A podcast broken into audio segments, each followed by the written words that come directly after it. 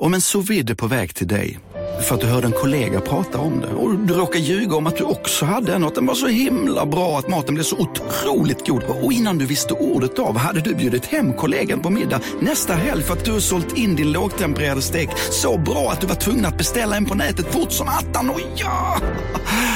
Då finns det i alla fall flera smarta sätt att beställa hem din sous vide på. Som till våra paketboxar, placerade på en plats nära dig och tillgängliga dygnet runt. Hälsningar Postnord.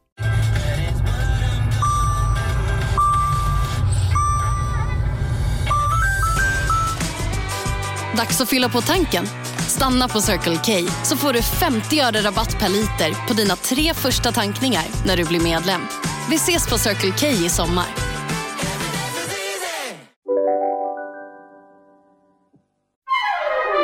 Du lyssnar på en podd från Perfect Day. Hallå, hallå! God dagens. Är det snöstorm där borta nu eller vad, vad händer? Alltså det, ja, det är det faktiskt fortfarande. Det är helt sjukt, Johanna. Jag såg att du hade fjällrävenjacka och moonboots på dig häromdagen. Det var det Ja. sjukaste. Ja. Det var, det, det är ju också för att moonbootsen är ju för att jag precis var, åkte skidor så de stod vid dörren. Man måste inte ha moonboots i LA. Samtidigt så vet du, alltså det är väl en modern version av uggsen som alla hade. Alltså det har ju folk fortfarande så här, mitt på sommaren när det är 40 grader varmt går folk runt i sina uggs. Ja. Eh, men, men jag är intresserad av de där moonbootsen för att eh, jag var så sjukt sugen på att köpa par sådana tidigare i, i, i säsongen. Men sen fick jag för mig att de var eh, så runda att man snubblar på fötterna typ. Är de det? Aha. Ja, de är faktiskt väldigt runda. Jag vet inte om man snubblar på dem, det skulle jag nog inte säga. Men de är så här runda så de ser ju nästan ut som hovar när man tittar ner uppifrån Ja, och kollar exakt. ner. Så är det som två hovar som går fram. Det, det ser ju roligt ut. Moonboots är ju inte så här, gud vilka snygga skor. Det, det är ju typ lite gulligt snarare. Det är Fast det jag tycker de är ganska, jag tycker ändå att det, de där låga tycker jag är sjukt snygga. Ja. Men eh, vi- visste inte ifall komforten skulle vara tillräckligt bra. Jag orkade inte gå till någon butik och prova dem. Ja. Gud vad roligt. Men de åkte på i helgen i alla fall, för då var det liksom någon slags hagelstorm och snö. Eller? Alltså, vet du, jag har tänkt på det att om jag lägger upp en bild på mig själv i någon varm jacka ofta så ska det alltid vara någon människa som kommenterar och bara så här, Åh, gud vad löjligt, så här, mitt i värmen ska du gå runt typ. Och då, då känner man så här, ah, men det är ju inte varmt här på vintern. Eller det beror på. Det kan ju fluktuera väldigt mycket. Det kan ju vara 20 grader varmt plötsligt på dagen så man kan ha t-shirt.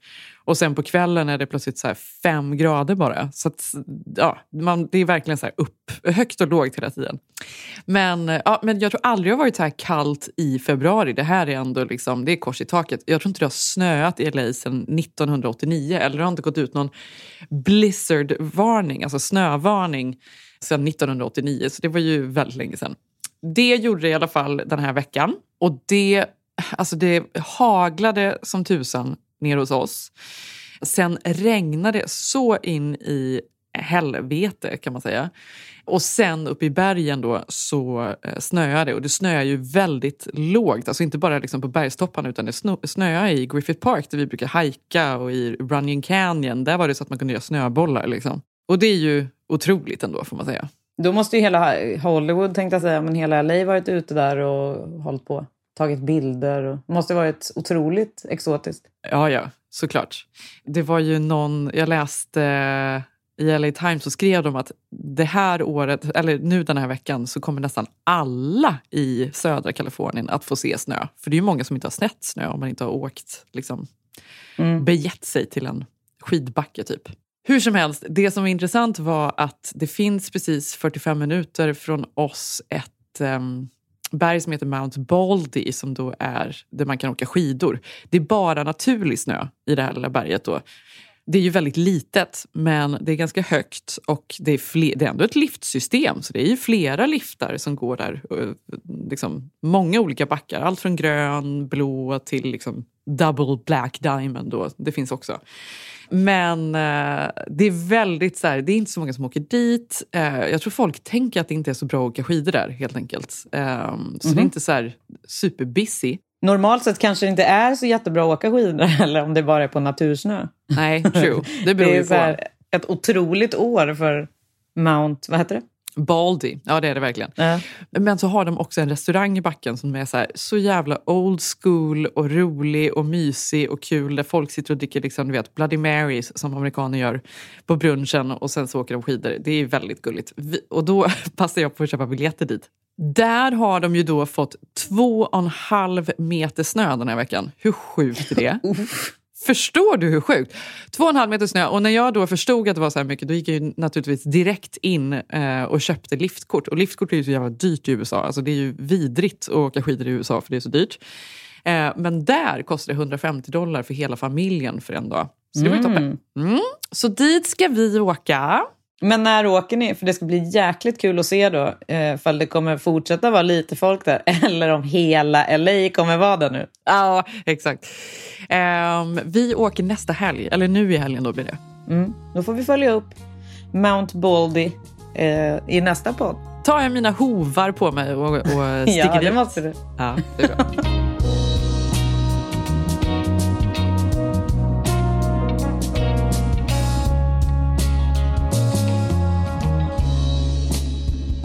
Men hur var din helg? Den var helt menlös tänkte jag säga. Det hade ju varit taskigt att säga det om helgen. Men eh, inget, inget speciellt att rapportera runt den. Det var en helt vanlig helg. Viktor jobbade och jag var med barnen kan man säga. Min, mina föräldrar var uppe. Det var mysigt. Jag får bara säga så här att jag vill följa upp en grej från förra veckan som jag tyckte var för kul. Aha. Det var ju den här savannbyxan. Den var- visade ju sig vara var absolut inte något lokalt i Vadstena utan det här var ju tydligen the shit på 90-talet. Har det visat sig. Ja. Folk har ju DMat och berättat sina savannhistorier för mig. Savannhistorier? Vadå Ja, historier? Vilka färger man hade, vilken typ, vilken modell och så vidare. Jättekul. Det var någon som DMade mig som till och, med, eh, till och med hade kvar ett par som hon brukar klä ut sig i med sina barn. Det tyckte jag var det tyckte jag var roligt. Jag tycker att det är så konstigt. Jag har reflekterat jättemycket över den här savannbyxan och känner så här. Hur kunde den vara så stor? Alltså uppenbarligen över hela Sverige var ju den the shit. Och sen bara försvann den. Helt. Framförallt så undrar jag, Alltså- hur kunde jag ha missat att den hette savannbyxa? Ja, det är också så sjukt. Det är ju Att du, sjukt. att, du, att du när jag säger så här, savannbyxan, då visste du inte riktigt vad jag pratade om. Fattar Nej. ingenting. Men det var klart jag hade såna. Det var ju det, det, var ju det man hade. Ja, fast du i och för sig, du gled ju tydligen runt i någon pullover och skjorta. Det är jag också Ja, men jag hade nog savannbyxor till. Okej, men du, hade du en sån här gubbkeps också? Jag ägde en sån. Yes. Vet, Usch vad vet hemskt. att jag sydde en sån i islöjden, blev ju skitful. Men vet att jag också köpte en basker. Jag hade ju basker också. Det tror jag dock inte var så modernt på Nej. 90-talet. Det, var nog, det var nog något som du Men det fick var ju köra inte lite min själv där. pullover heller. Herregud. Ja, det var roligt. Men, men hur som helst så tyckte jag bara att det var så jävla sjukt att den byxan bara försvann. För att när jag skulle googla det där, det var ju inte direkt så att det kom upp, du vet, att man kunde hitta den någonstans heller. Utan den är bara helt spårlöst försvunnen. Sjukt. Sjukt. Men nu kanske den kommer tillbaka då? Får du gräva fram de gamla exemplaren. Nu ska det vara så här, jag såg någon bild på Paris Hilton när hon så här, sitter på någon middag och hennes byxor har åkt ner så ser man eh, string, stringen under. Och att det, Ja, det. liksom Det var ju modernt. Det, det var ju modernt och det kommer också komma tillbaka. Så nu kan man ju då d- ta fram stringen, dra upp den lite och så tar man ner byxorna. Ja, men, men den kommer väl indirekt med de här låga midjorna. Så kommer väl den fram där om man har... ja, precis. Gud vad sjukt. Ska vi gå runt så när vi går och lämnar på dagis då? Men vi kanske, vi, förhoppningsvis gör inte vi det, men eh, liksom, den här generationens eh, tonåringar lär väl gå runt sådär, precis Mm, som vi gjorde. Jag kommer ihåg att, det var, att man nästan så drog upp lite grann för att det skulle synas ovanför. Ja, absolut. Och det har man ju nu sett på röda mattorna att de till och med stylar vissa klänningar så för att man ska se och så vidare. Så det är stort.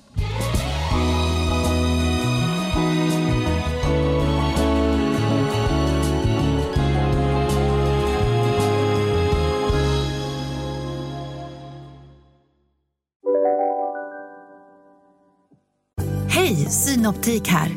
Visste du att solens UV-strålar kan vara skadliga och åldra dina ögon i förtid? Kom in till oss så hjälper vi dig att hitta rätt solglasögon som skyddar dina ögon. Välkommen till Synoptik. Ni har väl inte missat att alla takeaway förpackningar ni slänger på rätt ställe ger fina deals i McDonalds app. Även om skräpet kommer från andra snabbmatsrestauranger. Exempelvis... Åh, sorry. Kom, kom åt något här. Exempelvis Förlåt, det är något skit här. andra snabbmatsrestauranger som... Vi, vi provar en talning till. La, la, la, la, la. La, la, la, la. Dåliga vibrationer är att skära av sig tummen i köket. Ja! Bra vibrationer är du har en tumme till och kan scrolla vidare. Alla abonnemang för 20 kronor i månaden i fyra månader. Vimla! Mobiloperatören med bra vibrationer. Den här veckan har jag lite eh, relationsspaning. Är det, har du spanat eh, på hemmafront eller har du lyft blicken utåt? Jag har lyft blicken utåt. Eh, kan säkert knyta detta till min egen relation på något sätt också. Fast det här handlar Mm. mer om lite så här breakups och även eh, singlar som letar. Alltså lite så här, vad som händer just nu då på breakup och singelmarknaden. Ja. Nej, men vet du, jag läste, det här har jag läst ett par artiklar om i flera publikationer. Och det Mm. handlar om breakup bootcamp. Jaha, Mm. vad är det för något? Ja, men har, du haft någon, har du haft någon riktigt dålig breakup någon gång? Alltså, faktum är att jag typ inte har det. Ja. Det är ju väldigt tråkigt svar. Man hade ju önskat att man hade, att man eh, hade kunnat... Alltså, alla breakups är väl tråkiga eh, på, på sitt sätt. Men det har inte varit något dramatiskt om vi säger så. Då. Utan det har ju slutat... Förutom, jag har en i och för sig kille som jag var ihop med på lågstadiet eller vad det var. Mellanstadiet. Som jag aldrig gjorde slut med. Ni är fortfarande ihop?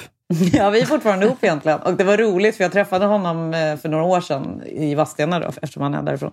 Och eh, då poängterade han det och då skrattade jag och tyckte att det var väldigt kul. Ja, gud vad sjukt också att du, eh, att du tar upp det här då från lågstadiet som en av dina relationer i livet. Ja. ja.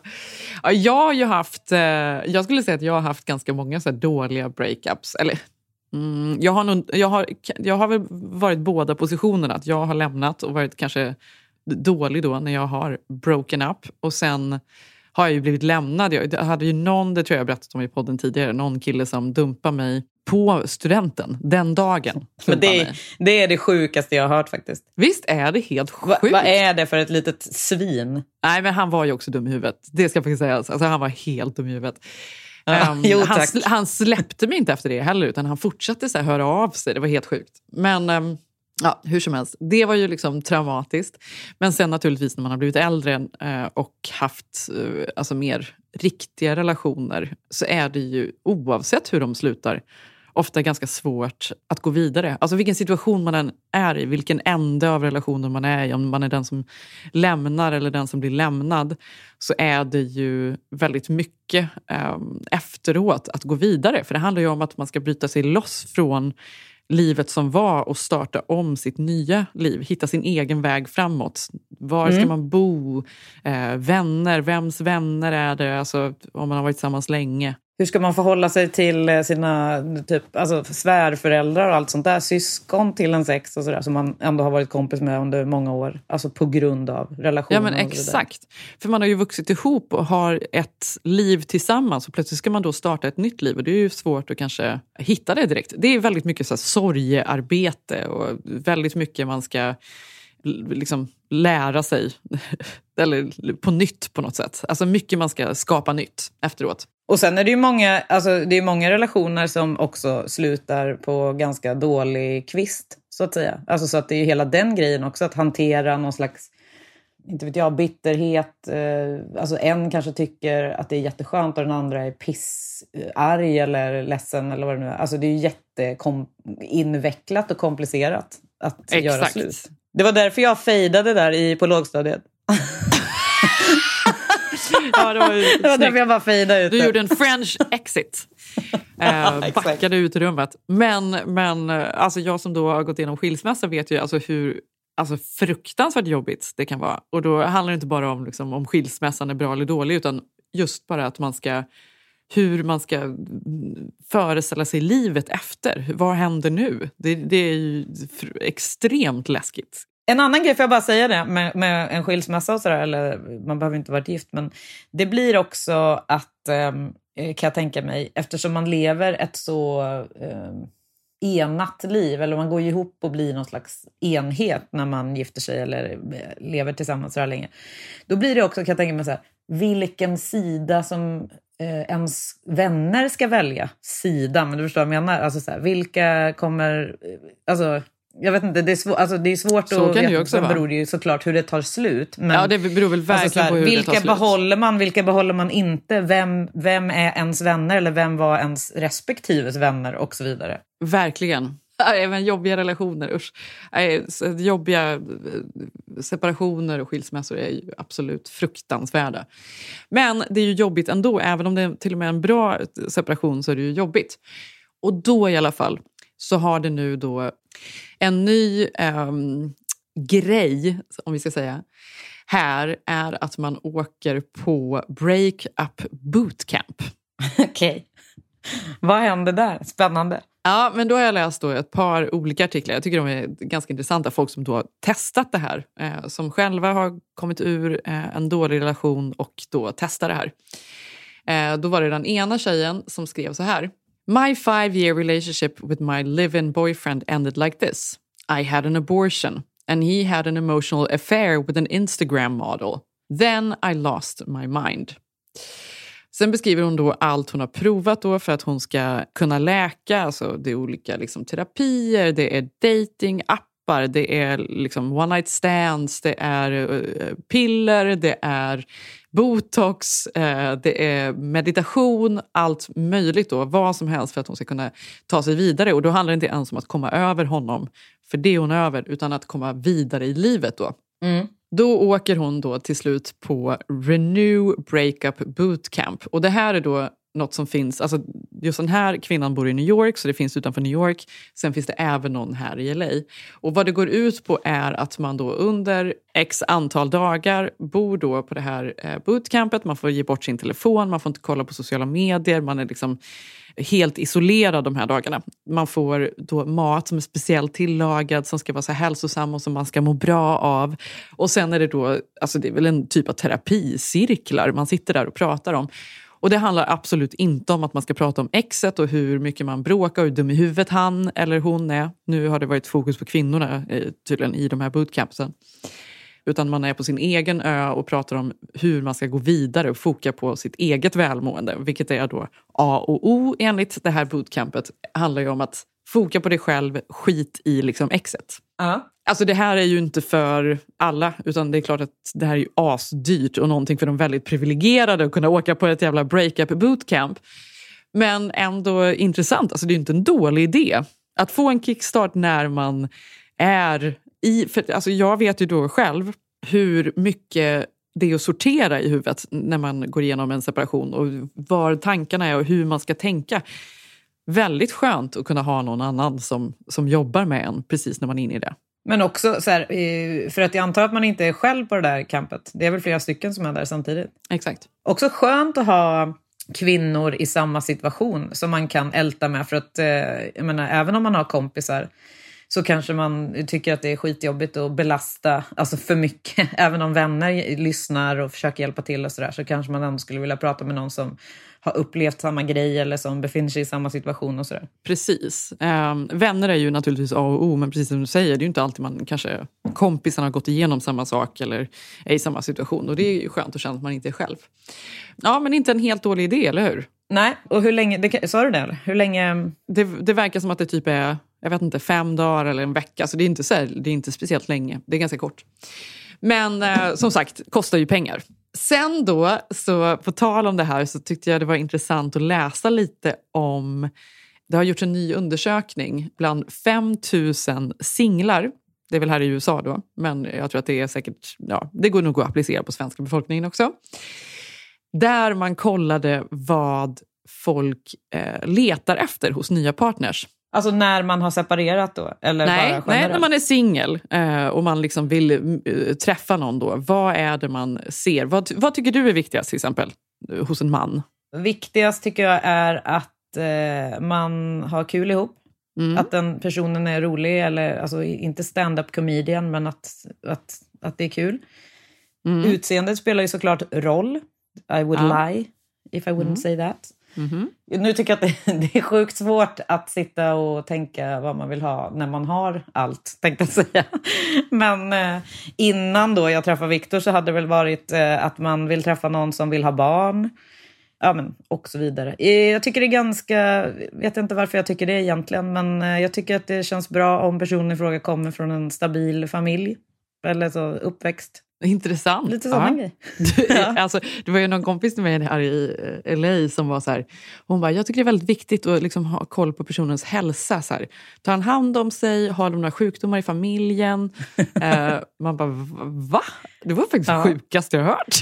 alltså vadå? Tänkte på livförsäkringen där lite grann. Ja, jag bara, jaha, är det någon cancer i familjen? Då får vi nog tänka ett varv till här. Vad fan, Ja, exakt. väldigt speciellt. Fast det, det tycker jag är intressant, eh, som du säger. För det är ju någonting som har blivit mer och mer viktigt då. De vanliga grejerna är ju som du pratar om, humor. Det är något folk alltid nämner. Det tycker jag också är typ det absolut viktigaste. Hade inte vi haft kul ihop, jag och Zeb, så hade det varit svårt. Ärlighet eller liksom att man kan lita på den här personen i fråga. Att, det inte finns, att de inte kommer svika en är väldigt viktigt. Sexuell dragning, det är ju liksom utseende som du nämnde. Och sen så nu då har det blivit väldigt stort med känslomässig mognad. Mhm. Och detta är då den nya trenden. Och det är väl en förlängning av vad du då pratar om, vad de kommer från för bakgrund, vad man har för trauman och så vidare. Men att man är öppen med det och att man har arbetat på sig själv. Att man faktiskt går i terapi.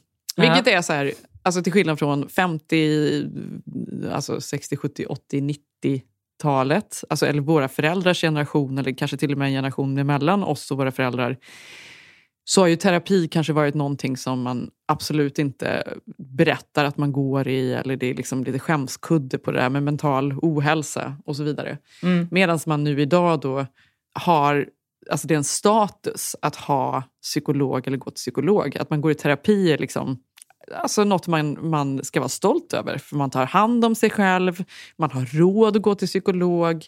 Eh, det finns en, folk respekterar det. Och det har blivit väldigt... Eh, det är också någonting man ser efter när man letar partner. Det är ju lite kul, eh, tänker jag på, alltså för min egen del, så har ju jag helt missat allt det här med dating apps livet För jag har ju, jag träffade ju Viktor när jag var 20, 27 kanske. Alltså Tinder fanns inte då. Nej. Men var det så här, det var Match.com och sånt där hade väl kommit kanske? Eller? Match? Ja men typ. knappt alltså. och det var ingen app utan det var så här online typ. Och det var väl verkligen så här, det var väl inte något som man ville heller prata om att man satt på. Nej, precis. sånt. Det fanns säkert, alltså, så här, typ, jag kommer ihåg att det fanns här, spray date, eller vad det hette, alltså, du vet när man var yngre. Så. Men det var ju inget, det var inget utbrett, alltså som Tinder blev det ju liksom, och också Match var det väl egentligen som gjorde det okej att nätdejta. Och så, Ja. så kom Tinder och allt annat sånt där, vad, de, vad det nu heter, allt sånt där Ja. med appar. Och nu är det ju liksom grejen man gör om man är singel. Alltså man är ju på en app såklart. Ja, och det hade ju varit... Alltså, så här, jag har ju aldrig testat det. det hade varit, så att jag vet ju ingenting om vad man söker efter eller vad man, alltså hur man filt- filtrerar sina sök och så vidare. Nej, men vet du, nej, för det finns ju, det är ju ändå intressant. För jag var ju, Du var ju där och letade efter han på, Ca- i Counting Crows. Där på, ja, Raya. Cross-sångaren där, jag var på Raja. Ja, men jag var ju på Raja. Och jag minns att det var, alltså någonting kul är det ju i att så här, swipa, att det är något lustigt med det. Eh, höger, vänster, vad det nu är. Kommer inte ihåg vilken som betyder vad. Men det är också jävla sorgligt för det blir ju bara att man så här, swipar vidare. Det händer ju liksom ingenting. Det kan det visst göra, men jag tror att många liksom...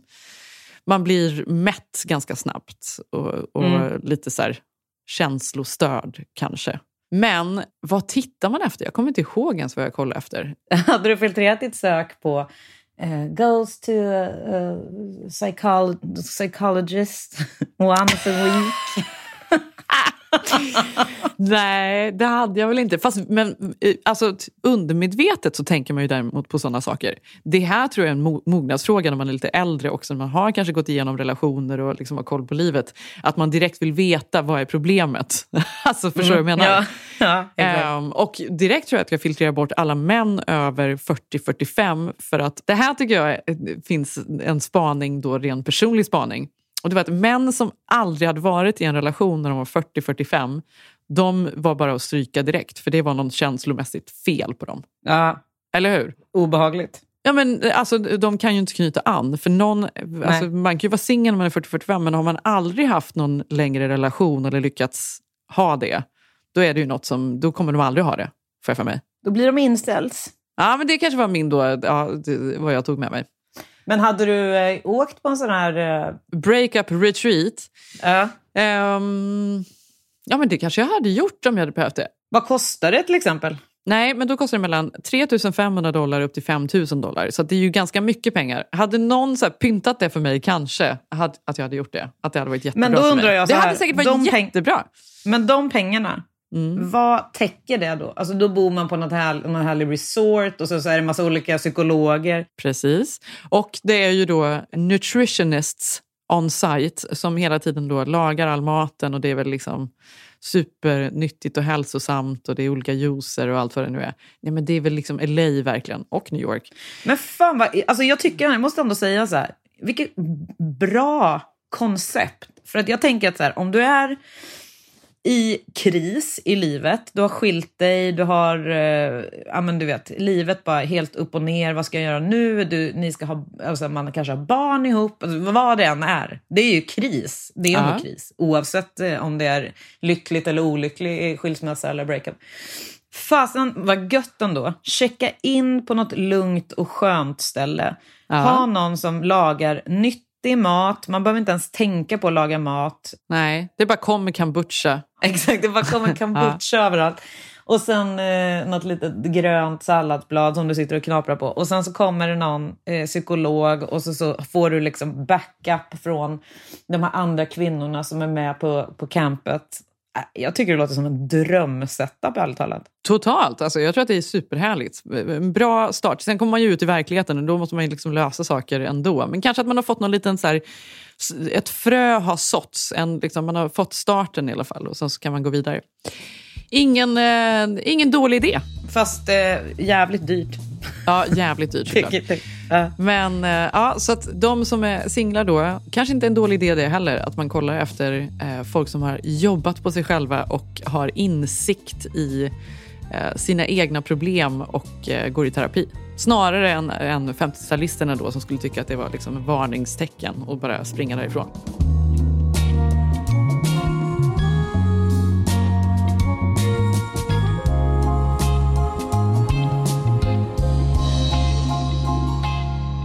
Jag tänkte att vi kunde eh, knyta ihop eh, Harvey Weinstein-säcken nu. Ja. En gång för alla. Ja. Vi pratade ju i min, jag tror att det var min absolut första podd med dig. ja, det gjorde vi nog. Ja. Så pratade vi om honom. Att han var i LA och satt där och hade sig. För att nu var det nya sex charges. Precis, för han blev ju då dömd i New York där och sitter ju på Rikers. Men sen har han också då eh, begått eh, sexuellt, eh, alltså ja, våldtäkter och så vidare även i Kalifornien. Så då var det ju nya, ja, ett nytt rättsfall här och nu blev han ju dömd. Mm. Och det var intressant då, för då hade han ju bäd, vad säger man, vädjat i rätten. Så hade han sagt så här, please don't sentence me, sentence me to life in prison. I don't deserve it. There are so many things wrong with this case. Ja, yeah right, Weinstein. Ditt lilla snuskas. Jag tänker bara så här, gött åt dig. Han, fick ju då, han blev ju dömd där i New York. 23 år fick han ju. Det, jag tycker att det är så roligt att han säger “Please don't sentence me to life in prison”. Man bara, Harvey, det är inte jättetroligt att du kommer överleva 23 år på Rikers. Det hoppas jag att du förstår redan innan. För du är ju 70 år, så att 93 tror du att du skulle komma ut därifrån. Alltså du, man ser ju redan nu på hans eh, hälsa hur han ser ut. Inte svinstark. Jo, men där har, har det också, det är lite omtvistat att han har gått runt där med någon sorts här rullator in i rättssalen och sådär. Är han verkligen i den, eller försöker han bara, spelar han för att få någon sorts eh, sympatier? Eh, om han nu tror att han ska vara ute och dansa när han är 93, då är det ju möjligt Men vad att är det för inte- idiot? Ja. Nej, och nu fick han ju då 16 år till on top of this då. Så att nu är det eh, life in prison. Eh, 100% för dig, Harvey. A court in Los Angeles has sentenced Harvey Weinstein to 16 more years in prison for raping and sexually assaulting a woman in 2013. The 70 year old is already serving a long sentence for a separate conviction. Sofia Betitzer has the story. He was the legendary film producer at the top of his game, with the world at his feet. But Harvey Weinstein became the first major figure taken down by the Me Too movement and was sent to jail. And on Thursday, another conviction for attacking an actress in a hotel room in Beverly Hills during a film festival in February 2013. Alltså det är ju, han är ju ett monster, så att man har ju verkligen så här fascinerats. Men det här var första gången nu som jag så här funderade på, har han barn? Eh, och så började jag googla på det här. Och han har ju fem barn. Nej. Jo, och det här måste ju vara så här, fy fan så jävla fruktansvärt för dem. Han har ju då från sitt första äktenskap, tror jag att han har tre barn som är alltså mellan 20 och 30 år gamla. Alltså närmare 30 tror jag. Och sen då med sitt, under sitt andra äktenskap med den här eh, designern så har han ju två barn och de är i, eh, den ena tror jag är 10 och den andra kanske är 8 typ, cirka. Fan, jävla hemskt alltså för dem. Eh, och jag tror de äldre barnen, de äldre barnen har ju helt tagit avstånd från honom tydligen. Men de yngre barnen tror jag fortfarande träffar honom lite eller något sånt där. De här små barnen. Men jag känner, samtidigt känner jag också så här, de här exfruarna då. Hur, mycket tjej, hur många tjejer har han våldtagit under deras alltså, omedvetenhet? Förstår Ja. du? Han har lämnat hemmet och så har han dragit ner på stan och våldtagit någon stackars tjej med skådespelar-ambitions typ. Ja. Men man undrar ju också hur många det är, alltså om alla som hade blivit utsatta för honom Ja. eh, talade ut. Alltså jag undrar hur många fall det skulle vara. Alltså det måste ju vara hundratals. För det här är ju, var ju systematiskt under många, många år Så man höll på med det här. Gud ja. Och jag vet till och med när man pratar med folk här som liksom har varit i branschen så är det så här att alla visste om vad, som, vad han var för någon och att man inte skulle gå in på hotellrummet med honom. Tänk vad många som gjorde det som inte visste. Men att det här ändå var, det var ingen hemlighet, alla visste om det här. Det är ju faktiskt fruktansvärt. För jag vill läsa en artikel i Rolling Stone i helgen om Kanye West. Nu ska vi sluta prata om Kanye West. Han återkommer hela tiden. Vad är Men- han här igen och härjar? Äh, men det sjuka med den här artikeln, den var jättelång, det var att han då beskrev hur han arbetade då på Yeezy och hans samarbete med Adidas. Och vilket, eh, vilken fruktansvärd arbetsmiljö han skapade då. Delvis Mm. så kollade han ju på porr hela tiden. Han satte på porr under styrelsemöten. För att han, ville kunna, han påstod att han fokuserade bättre om porren kunde vara på i bakgrunden. Så det var en porrfilm som var på i bakgrunden och sen så satt de där och skulle ha styrelsemöte. Och alla var ju väldigt obekväma. Jo, Eh, han visar porrfilmer på eh, honom och Kim Kardashian när de hade sex. Han visar bilder på Kim, så privata bilder som hon har skickat till honom. Eh, visar han upp för folk. Titta. Han Usch. visar andra porrfilmer plötsligt. Och det här var också så vedertaget och känt tydligen. Så att på Adidas så hade de till och med sagt till sina anställda att när ni blir utbrända, för folk var rädda för honom och hans liksom, Ja, utbrott han hade hela tiden och hur de skulle hantera det här. För något som man känner igen då från, eller jag känner igen från tidigare, var ju att det var så här, sån är Kanye, han är bara sån, man får bara ignorera, så därför var det typ okej. Men samtidigt var det ju så många som var, mådde så psykiskt dåligt så att Adidas sa ju att när ni är klara där så får ni komma hem så tar vi hand om er. Efter att eh, han, ni har blivit utsatta för Kanye och mår för dåligt, då får ni komma hem så tar vi hand om er. Så jävla sjukt, Ändå sjukt att, han de lät pågå. honom hålla på. Ja, i alla år alltså. Helt jävla galet. Och då tänker jag på, men alltså för något annat som är så galet är ju att vi, vår kväll ute med Kanye. Ja, den är ju riktigt galen. Gud, det har man helt glömt. Den har man typ glömt. Jag har ju bilder från den här kvällen. Ja, men det är så overkligt att det hände. Vad fan var det? Men alltså, vi, du och jag var ju ute och käkade middag. Jag tror vi var på Vassa äggen. Visst var vi det? Frågar du mig? Jag minns ju knappt kvällen. Jag minns bara att det är helt bisarrt att han satt där i en lägenhetsfest. Jag minns att vi var på Spybar och att vi var hemma hos Peter Magnusson var det va? Nej men så här var det. Så här var det Johanna. Du och jag var ute och käkade middag på Vassa äggen och drack drinkar. Sen hade vi ett gäng kompisar som var hemma hos Peter Magnusson för det var hans födelsedag. Eh, hemma i hans lägenhet och de bara, men kom hit, så här, det är kul. Så kom vi dit Och strax efter oss så kom ju Kanye West dit. Och det här är ju så jävla bisarrt. Hemma hos Peter Magnusson så kom Kanye dit. Och då var det ju för att han hade någon svensk tjejkompis som han var där med som kände Peter. Så att han Mm. satt, kommer jag ihåg, i den här hörnsoffan medan folk satte på Kanye West-musik. Så jävla bisarrt det här var. Gud vad pinsamt. Alltså så jävla pinsamt. Sen det absolut mest pinsamma med hela Fast i och för kvällen. sig, tyckte Kanye West att det var pinsamt? Inte så troligt. Han lär ju ha suttit där och älskat att folk ville lyssna på hans musik. Han kan ha gillat det. Men jag kommer ihåg att jag och han satt och pratade lite i alla fall. Och sen minns jag att en annan kompis hos oss, eh, Martin, tog fram gitarren och skulle spela Halo och vi alla ställde oss i en cirkel runt Martin och skulle sjunga Halo. Och jag och Kanye stod med armarna om varandra. Minns du det här? För det har jag bilder på. Maja tog bild på oss. Jag minns att han var lite sugen på dig, för det minns jag nere på Stureplan sen, eller på Spybar. Ja, för, och då såg vi först i alla fall och sjöng Halo, vilket ingen kunde eh, texten till. Men vi sjöng Halo, Men, var du, Halo, men varför då? För fan vad pinsamt. Cringe eller? Det var ju som cringe, det var ju det sjukaste någonsin. Sen så säger Conny, ska vi eh, gå till, eh, ska vi dra vidare? Och du och jag var så här, ja det, vi ska, kan absolut dra vidare. Och så det var han och en kompis, jag kommer ihåg att vi gick ner för trapporna och han bara, men var ska vi gå, var ska vi gå? Och det enda vi kunde komma på var gubbis. Hur sjukt är det? Ja, just. Gubbrummet! Som att det var dit han ville gå. Gubbis, jag har till och med glömt bort att det existerade. Ja. Gud. Det här var en annan tid i livet. Nej, det var så sjukt. Och så satt vi där i bilen och, och jag tror att du ringde väl till eh, vad heter han? Salvan eller någon, eller Salvan och bara vi kommer med Kanye. Och så kom vi dit i alla fall och så upp där och så fick vi det, här det enda bordet typ som finns där uppe. Med sån liten retligt rep. Sånt som man kan, Exakt! ja, i den där, i den där uh, balkong, eller vad heter det? Den där lilla grejen som gick ut där, över, ut mot Stureplan, var det ju som, ett litet, eh, som en liten soffa typ. Exakt. Och sen så stod vi där och jag kommer ihåg att han eh, tyckte inte om musiken och att jag typ sa till honom och jag bara så här, but you should go and spin some records typ. Han bara, tack för tipset. Ja, Det går jag göra toppen. nu. Men hur slutade den här kvällen? Han frågade om inte han kunde få mitt nummer. Minns du det här? Det här är så sjukt. Nej. Och han bara, men jag vill ta med dig ut. Och jag bara, nej, nej, det kommer inte ske. Liksom. Han bara, men kom igen typ.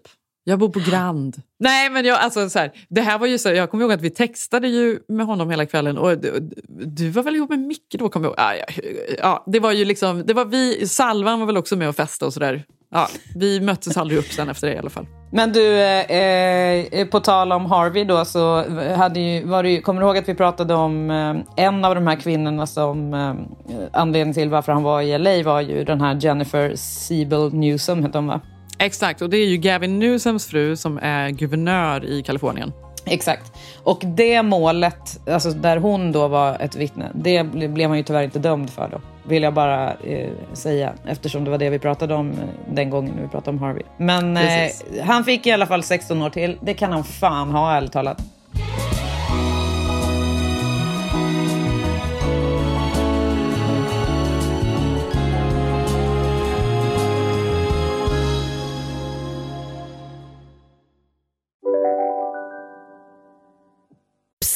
Känner du igen en riktigt smart deal när du hör den?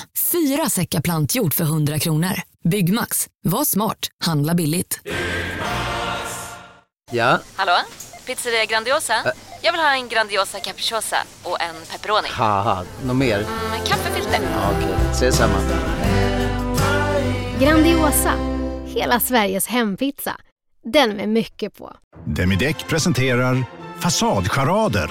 Dörrklockan. Du ska gå in där. Polis? Effektar? Nej, tennis tror jag. Pingvin. Alltså jag fattar inte att ni inte ser. Va? Nymålat! Men det var många år sedan vi målade. Demideckare målar gärna, men inte så ofta. Ett annat äckel som eh, också eh, i veckan fick ett nytt fängelsestraff. Ja, det var ju R. Kelly. Mm. Han sitter ju då inne 30 år för sex trafficking, eh, Mm. bland annat. Eh, och nu då fick han ett nytt fängelsestraff på 20 extra år. New at 5, a federal judge has sentenced singer R. Kelly to 20 years in prison for his conviction of child pornography and enticement of minors for sex. Kelly will serve 19 years of that sentence concurrent to the 30 year sentence he received last year in New York for racketeering and sex trafficking charges. Prosecutors had asked the judge to order him to serve a 25 year sentence after he completes a 30 year term, which would essentially be a life sentence for the 56 year old.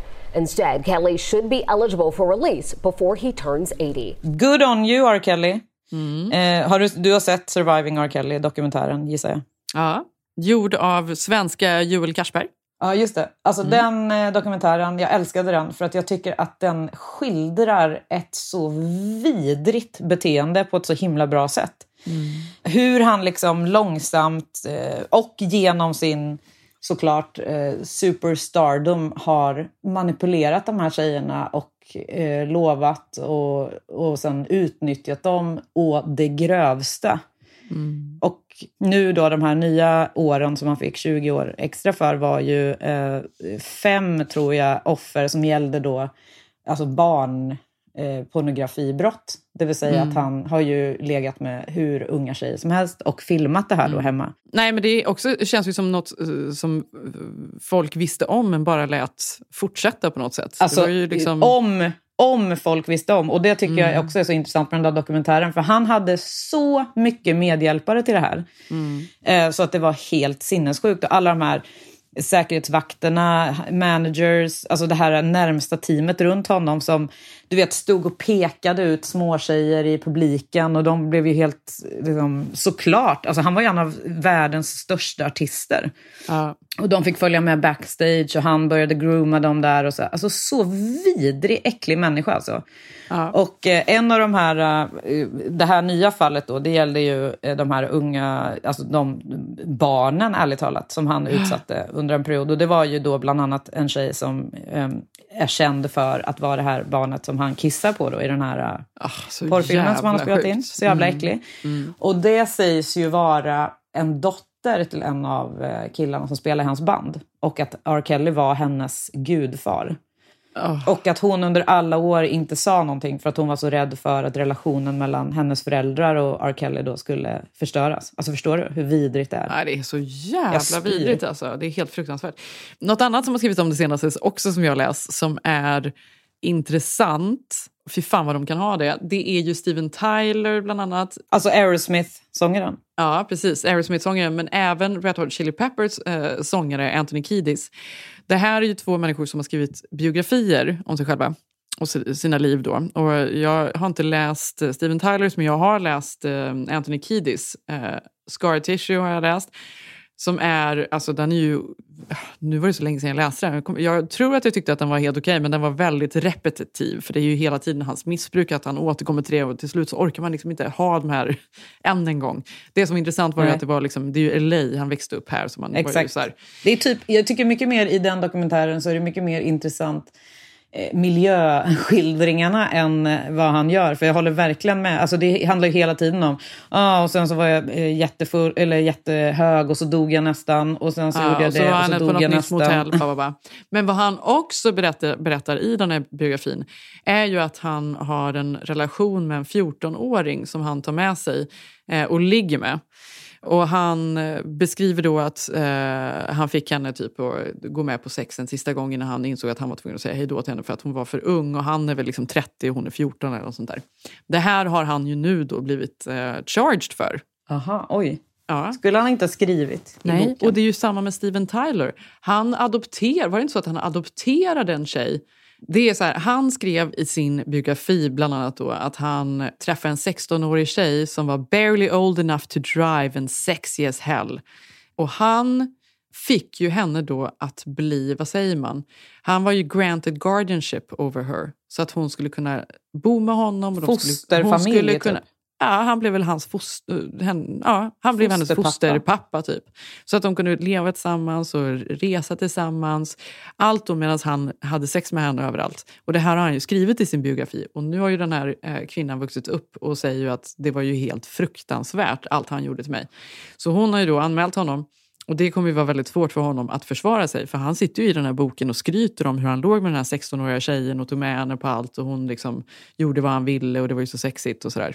Fan. Jävla äckliga gubb. Så jävla äckliga gubbar. Men det säger också någonting om tiden att så var det. Det var så okej att bete sig så Mm. mot kvinnor och mot så här, barn var det ju Ja. förr i tiden som man skrev biografier om det. Alla de här gamla rockbiografierna, de var ju helt, det är ju skitäckliga gubbar. Men de kände sig så fria i det här och det var så eh, okej back in the day så att de faktiskt till, till Ja. och med kunde berätta om det själva.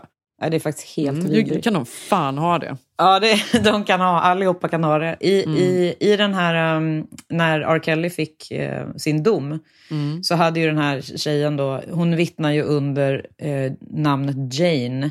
Eh, Mm. Hon liksom var ju inte där i IRL då. Men då hade hon skrivit något slags uttalande och då hade hon sagt I've lost my dignity due to Robert Kelly. I've lost my dreams eh, due to Robert Kelly. I've lost my teenage years to Robert Kelly. Och eh, det är så jävla sorgligt när man tänker på det. Alltså det som du säger, barn som Mm. han ju höll inlåsta i något äckligt hus i Chicago typ. Mm. Och där de bara var sexslavar åt honom. Tänk dig Mm. hela dina, alla de här åren när du ska ha som roligast i livet. Då Mm. var du R. Kellys sexslav. Fy Mm. fan alltså. Men du, på tal om det, på temat obehagliga dokumentärer. Eh, om nej, just det här fan, att, eh, nej. Jo, nej. jo nej. jag måste få tipsa nej. om en som jag nej, såg men nu går du inte ner i det här jävla hålet Jo. Johanna. Alltså jag orkar inte. Nej men nu får du sluta. Jo, det här är Nej. jätte, det var en jätteintressant eh, dokumentär, minidokumentär. Ja. Det var riktigt obehag. men... det var, den heter Stolen Youth och det Mhm. handlar om lite samma sak fast minus, eh, alltså minus att vara inlåst som en sexslav. Men det handlar om eh, en snubbe, du har säkert hört om det. Eh, den heter eh, Stolen Youth Inside the Cult at Sarah Lawrence. Har du talat om den? Nej, vänta lite, har jag det? Är det, det är inte den här eh, kulten som var i New York, utanför New York, eller? Jo, det var ju Ja. alltså då ett, ett gäng eh, tonåringar som bodde på campus på Sarah Lawrence, den här eh, skolan Ja. utanför New York. Och där en utav dem då var, alltså, en utav eh, tjejerna som bor i det här campuset, hennes pappa kommer på besök och typ bosätter sig där. Jaha. Han heter då Larry Ray och eh, utger sig för att vara ja, någon som, jag vet inte, alltså, jag vet inte ifall han faktiskt hade det här. Han, han utgav sig för att vara ex-marine, soldier, han kände liksom hela världen och hej och han hade varit så underrättelse. Men han vill bara liksom bo där på... Exakt. Nej, för han hade suttit inne för någonting som han såklart då inte hade gjort. Mhm. Eh, och sen så börjar han steg för steg och hjärntvätta de här människorna. Det är så obehagliga eh, Alltså, nej, Johanna. dokumentationer. För han har ju spelat in allting. Han har filmat och spelat in allting. Du måste se den. Alltså, Ja. Det var så obehagligt. Du måste ju se något glatt, Johanna. Du måste ju kolla Nej, på något jag vägrar. kul. Jo, men alltså det här Det går ju tråkigt. inte. Nej, men... Nej. Ner i hålen hela tiden ju. Du behöver. Ja, men det är, jag måste vara nere i de här mörka... Det här är lite... Jo, du vet vad, jag har säkert sagt det förut. Jag måste se det här mörkret för att uppskatta ljuset jag lever i. Gillar Viktor det här? Jag kan inte tänka mig Nej, att det här gör. ligger jag ju givetvis och tittar på själv mellan 0, eh, 23.00 och 01.30 varje natt. Nej men sluta! Och sen är Ja. du uppe så här vid sju varje morgon. Ja, uppe vid sju. Jag är ju också uppe någon gång per natt typ Ja. och ska hålla på. Ja. Nej, alltså den här den rekommenderar jag alla att se. Jakob, jag tycker du också ska lägga in ett litet klipp eh, från den. They called it the Sarah Lawrence bubble. It feels like its own little world. They were trying to attract the kind of students who were outcasts in high school. We were all really open to possibilities. Talia, who lived in the house, said, Hey guys, this is my dad. He just looked like a dad. Talia characterized her dad as a hero. He was in the CIA doing psyops. Parachuting into places. He was practically James Bond. Talia's like, my dad is going to be staying here. He unveils to us his philosophy called Quest for Potential. Everyone was transfixed. You shine, kid. Thanks, Larry. I started to believe what he told me about me. Everyone thought Talia's dad was weird. Then one by one, he would get them alone, and suddenly they're like, he's the best thing that ever happened to me. He would cut up Adderall. He'd keep us awake for long periods of time.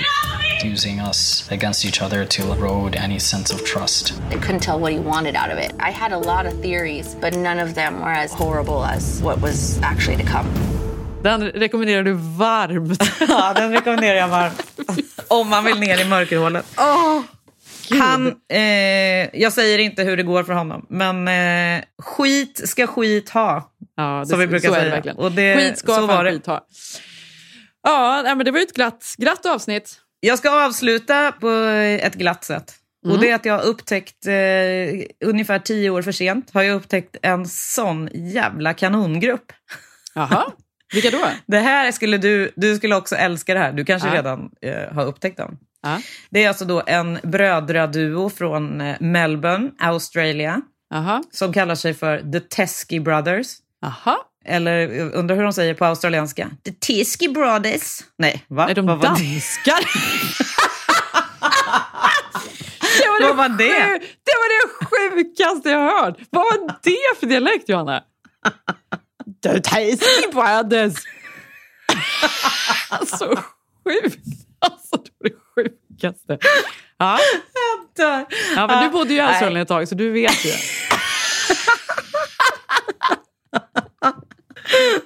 Jag dör. Vi kallar dem bara kort, kort och gott för The, the Teskey Brothers. Aha. Så jäkla bra! Ja, gud vad spännande. Ja, så det ska vi avsluta med. Jag vet vad ska vi säga, att de har, de, det är någon slags soul-historia. Riktigt, riktigt bra. Mm, gud vad mysigt. Ja, så det avslutar vi med. Och så hörs vi nästa vecka. Jag heter Jenny Ham på Instagram. Nu ska du få höra något helt sjukt, Jana. Jag har signat upp mig på TikTok. Det var ju det Va? vi skulle göra. Du skulle också göra det, sa du. Men snälla, hur ska jag kunna göra det? Vad ska hända där inne på mitt TikTok? Det händer ju knappt något på mitt Instagram, herregud. Vad, vad ska hända där inne? Men vi skulle ju lära oss. Jaha, men Ja, okej, jag gud jag har signat upp mig. Jag heter Jenny Schmitz där. Så Ja. om det är så att man är på TikTok så finns jag där. Gud, du, då ska jag signa upp mig bara för att jag ska vara där inne och glutta och se vad du håller på med. Mm, det Jag blir spännande, kul övergångar, mycket tips. Ja. Jag, tänk, jag tänker, vet du vad jag tänker att du ska göra där inne? Mycket så här uh, hudrutiner och r- Exakt, det det. matlagning och Trän, sånt. Träning, mat och liksom hud. Det är väl det man får... Hud. Det är det man får... Liksom, ja, hur som helst. Jag signar upp mig i alla fall. Nu finns jag. Välkommen till TikTok, Jenny Schmitz. Mm, tackar, tackar. Mm. Då ska vi se ifall jag är inne där redan nästa vecka. Det är inte så sannolikt, men vi kan hoppas. Men just nu finns du på Instagram och ditt handle är... Johanna Noren understreck. Mm. Får ni nö- håll, håll, håll till godo tills jag kommer på TikTok. Ja, det är spännande. Ja, tack för att ni lyssnar. Tipsa en kompis eh, så hörs vi nästa vecka. Ja, det gör vi. Puss och kram! Puss.